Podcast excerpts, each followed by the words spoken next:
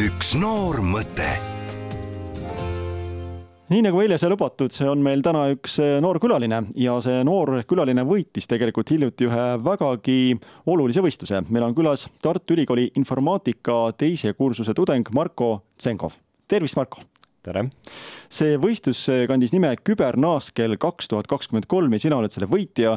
kas võib öelda, et sa oled hetkel üks Eesti noore põlvkonna kõige lootustandvam häkker või? No häkker võib-olla on natukene tugevasti selle kohta öeldud, aga küberhuviline kindlasti. mida endast kujutab võistlus Kübernaaskel, mida täpsemalt seal teha tuli, mis eesmärgiga selline võistlus üldse on ellu kutsutud? kübernaaskel on küberturbe osas võistlus, seal siis äh, üritatakse kas äh, süsteeme katki tehes või neid pigem korda tehes simuleerida reaalseid olukordi, mis on päriselt varem juhtunud et äh, tulevikus saaks äh, süsteemi turvalisemaks teha ning äh, uurida, mis nõrgad kohad on ja see tähendab seda, et sisuliselt need inimesed, kes õpivad taolist asja nagu sina, kes sellega tegelevad, on justkui tuleviku virtuaalne sõjavägi või? tõsi, see on see kuvand, mida ilmselt üritatakse hetkel saada. Ma ennast küll ei näe sellise virtuaalse sõjaväena, ma pigem vaatan ennast sellise tagaliinitöötajana, kes vaatab enne üle, et kõik korras on, mitte ei ole nii-öelda eesliinil ja üritab kõike katki teha. Milline sinu lapsepõlv oli, olid sa juba siis selline tehnikahuviline, võtsid kõikvõimalikud vidinad juppideks lahti, lammutasid telefone ja televiisoreid või kuidas sul see huvi tekkis? jaa, äh, lapsena ma olen päris palju tegelenud tehnoloogiaga, nii riistvara kui ka siis tarkvara tasemel, samuti ma olen olnud väga matemaatika ja füüsika huviline sa oled eh, osalenud väga palju olümpiaadidel, erinevatel võistlustel, nii Eesti-sisestel kui ka rahvusvahelistel, üksi ja meeskondlikult kõrgeid kohti toonud. kuidas sulle endale tundub, kas eh, reaalainete oskus on siis midagi, mis on kaasa antud või on see õpitav ka? Äh, ma usun, et see on kõik õpitav niimoodi, et kui ühe niimoodi käppa saad, siis teised hakkavad vaikselt ju juurde tulema, et ühed aitavad kindlasti teist mis ainetes sa ise kõige nõrgem oled, kui nüüd kooliajale tagasi mõelda, mis olid sinu nii-öelda nõrgad küljed koolis? jaa, neid äh, ma ka ei salga. kooli ajal olid päris nõrgad ained äh, ajalugu, kohati geograafia ning kindlasti vene keel. nii et siin natuke kumab läbi, et ikkagi on reaal- ja humanitaarinimesed olemas?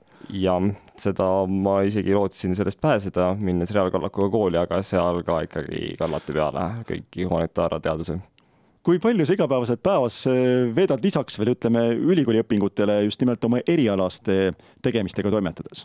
see on üsna kõikuv asi, kolm-neli tundi äkki heal päeval, aga on ka päevi, kus ma jõuan koolist koju ning praktiliselt midagi kasulikku enam ei tee, ma et hea pool tundi äkki on hästi palju räägitakse sellest, et inimesed lähevad ju õnge, keda üritatakse, võib-olla kellelt üritatakse PIN-koode välja petta või investeerida kuhugi või siis logitakse inimeste kontodele sisse. kui palju sa oled ise kas siis õnge läinud või siis on püütud siin õnge tõmmata virtuaalselt?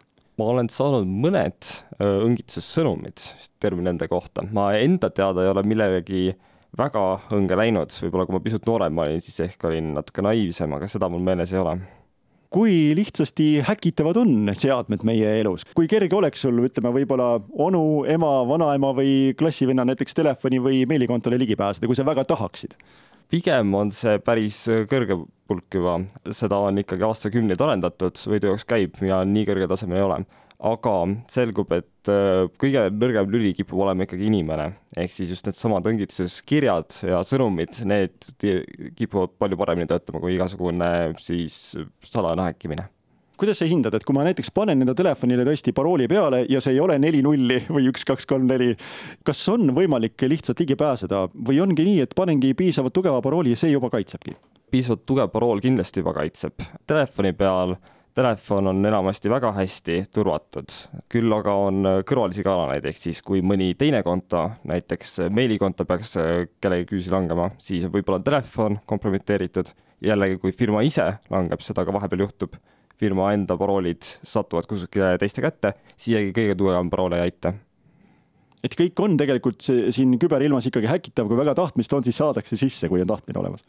jah, aga mõnikord on vaja äh, seda tahtmist ja ressurssi väga-väga palju võib-olla peaminister peaks olema mures, aga tavaline inimene tänavalt piltlikult öeldes, tema postkastiga keegi vist ei viitsiks nii palju vaeva näha või telefoniga. ja põhimõtteliselt, kui vaadata, kuhu oma andmeid sisestada, paroole mitte liiga palju taaskasutada, eh, siis on juba üsna kindel olemine valdavalt Marko, ütle ausalt, on sul seal koolis hetkel üldse midagi õppida, ma kujutan ette, et kui sa oled terve elu selle asjaga seotud olnud, sul on suur huvi, sa ise oled hästi palju tegelenud, uurinud, tänapäeval kõik võimalused ka ise õppida on ju olemas. mis sa seal ülikoolis teed üldse veel? Ja pean tõdema, et informaatika erialal olen ma natukene huvitavas kohas, aga ma selle tasakaalustamiseks võtan juurde päris palju teisi reaalaineid, siis võtan juurde füüsikat ning matemaatikat ning osalise huviga ka tehnoloogiat seda hirmu jutumärkides hirmu sul ei ole, et enne kui jõuad ülikooli läbi käia, tuleb sulle tööpakkumisi uksest ja aknast ja need on jahvatlevad, et sa jätadki kõik pooleli? Seda ma olen vahepeal kaalunud, aga ma pole ise piisavalt palju rõhku töö otsimisele pannud, nii et ma loodan, et kui keegi väga tuleb suruma selle töö pakkumiseks, siis äkki see on ka piisavalt hea kuidas sa unistad, vaatad kümme-viisteist aastat ettepoole, see on küll pikk aeg, aga kellena sa tulevikus ennast näeksid praeguse hetkeseisuga?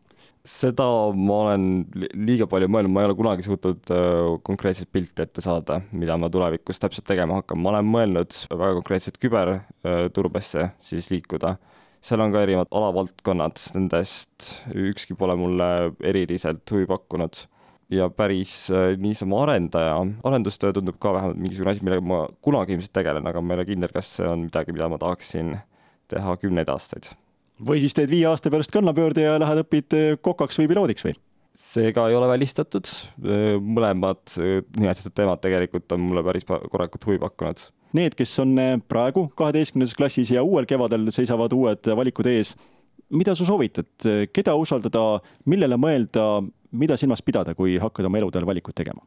kindlasti vaataks seda, mis endale huvi pakub. nüüd keerulisem ongi siis, kui endal veel mingisugust sellist korralikku huvi ei ole tekkinud. Et kui endal huvi ei ole tekkinud, siis tasub äh, tõesti internetis võib-olla mingisuguseid videoid äh, vaadata, mida huvitavat saab teha, kas siis erialaselt või isegi veel spetsialiseeruvamalt. Erinevaid õpinguvalikuid on väga-väga palju, ma ise muidugi soovitan vaadata äh, siin reaalteadusi, tehnoloogiat, inseneeriat, aga ma usun, et on väga palju teisi erialasid ka, peaasi, et endale päriselt huvi pakub, kuna muidu ei jaksa õppida. Marko Tsõngov, suur aitäh sulle külla tulemast, veel kord palju õnne kübernaaskel kaks tuhat kakskümmend kolm võidu puhul ja edu sulle tulevikuks! aitäh!